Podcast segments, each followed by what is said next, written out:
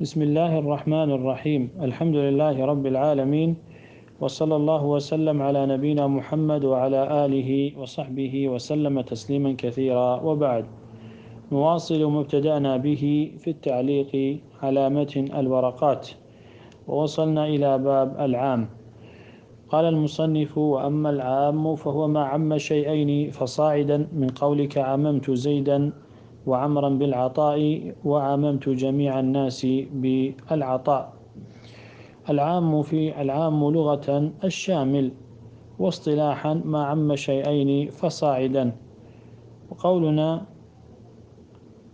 عم شيئين أي تناول شيئين دفعة واحدة. أخرجنا المفرد في سياق الإثبات مثل رجل فهو لفظ يصلح لكل واحد من الرجال لكن بدون استغراق. وقوله فصاعدا أي آه، أخرج المثنى النكرة في الإثبات كرجلين فرجلين مثنى وليس جمع. وقوله من قولك عممت زيدا وعمرا بالعطاء. أي شملت المذكورين بالعطاء ثم ذكر المصنف أن صيغ العموم أربعة. الأول الاسم الواحد المعرف بالألف واللام والمراد بالواحد هو الاسم المفرد. الاسم المفرد. مثال ذلك قال تعالى إن الإنسان لفي خسر إلا الذين آمنوا. فالإنسان هذا لفظ مفرد دال على العموم لدخول الألف واللام عليه بدليل الاستثناء إلا الذين آمنوا فإن الاستثناء معيار العموم. والثاني اسم الجمع المعرف باللام وهو اللفظ الدال على جماعة. فيشمل الجمع ما ليس له مفرد مثل النساء. قال تعالى الرجال قوامون على النساء فالنساء جمع لا مفرد له. ويشمل اسم الجمع ما له مفرد قال تعالى قد أفلح المؤمنون فالمؤمنون اسم فالمؤمنون جمع ومفردها مؤمن ويشمل اسم الجنس. مثال مثل قوله إن البقرة تشابه علينا فاللام في البقر اسم جنس. نعم. والثالث الأسماء المبهمة. وكأسماء الشرط. قال تعالى من يعمل سوءا يجزى به. وأسماء الاستفهام فأين تذهبون؟ وأسماء الموصولة قوله صلى الله عليه وسلم الذي يشرب في آنية الفضة إنما يجرجر في بطنه نار جهنم. والعموم والماء وماء للعموم. كما في قوله تعالى وما تفعل من خير يعلمه الله. وقول المصنف وأي في الجميع. أي أن أي تكون شرطية. قال تعالى أيما الأجلين قضيت فلا عدوان علي. وتكون استفهامية كقوله لنعلم أي الحزبين أحصى لما لبثوا أمدا. وتكون موصولة كقوله ثم لننزعن من كل شيعة أيهم أشد على الرحمن عتيا. قال, قال المصنف وأين في المكان؟ قال تعالى أينما تكونوا يدرككم الموت ومتى في الزمان؟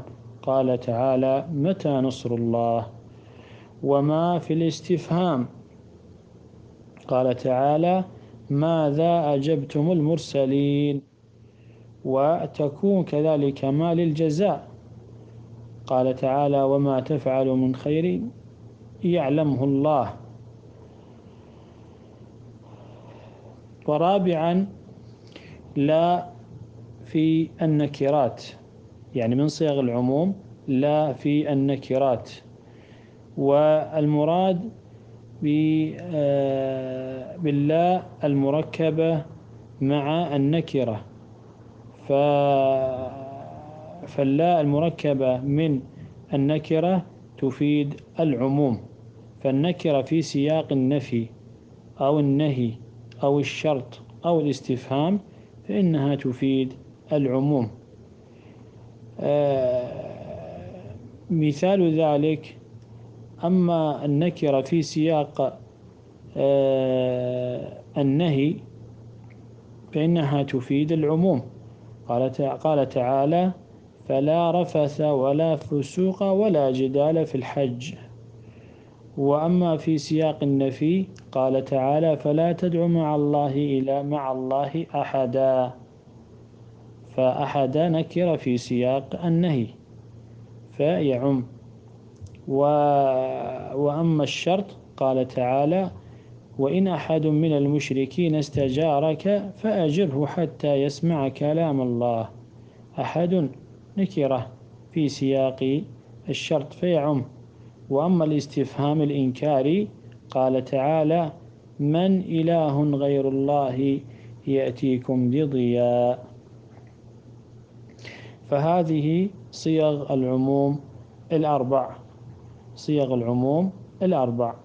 قال رحمه الله والعموم من صفات النطق أي أن العام له صيغ تستعمل في العموم لا يستفاد العموم بدونها أي أن العرب جعلت للعموم صيغ وهذه الصيغ هي التي يعرف بها العموم.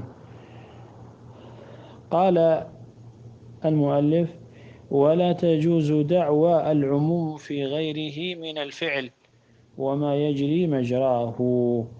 أي أن الفعل آه، أن الفعل المثبت ليس من صيغ العموم ليس من صيغ العموم. مثال ذلك لو قال والله لا آكلن لا آكلن طعاما فإذا أكل طعاما واحدا كخبز بر بيمينه. نعم. وأما الفعل في سياق النفي قلنا أو النهي أو الاستفهام أو النفي فإنه آه، فإنه يفيد العموم.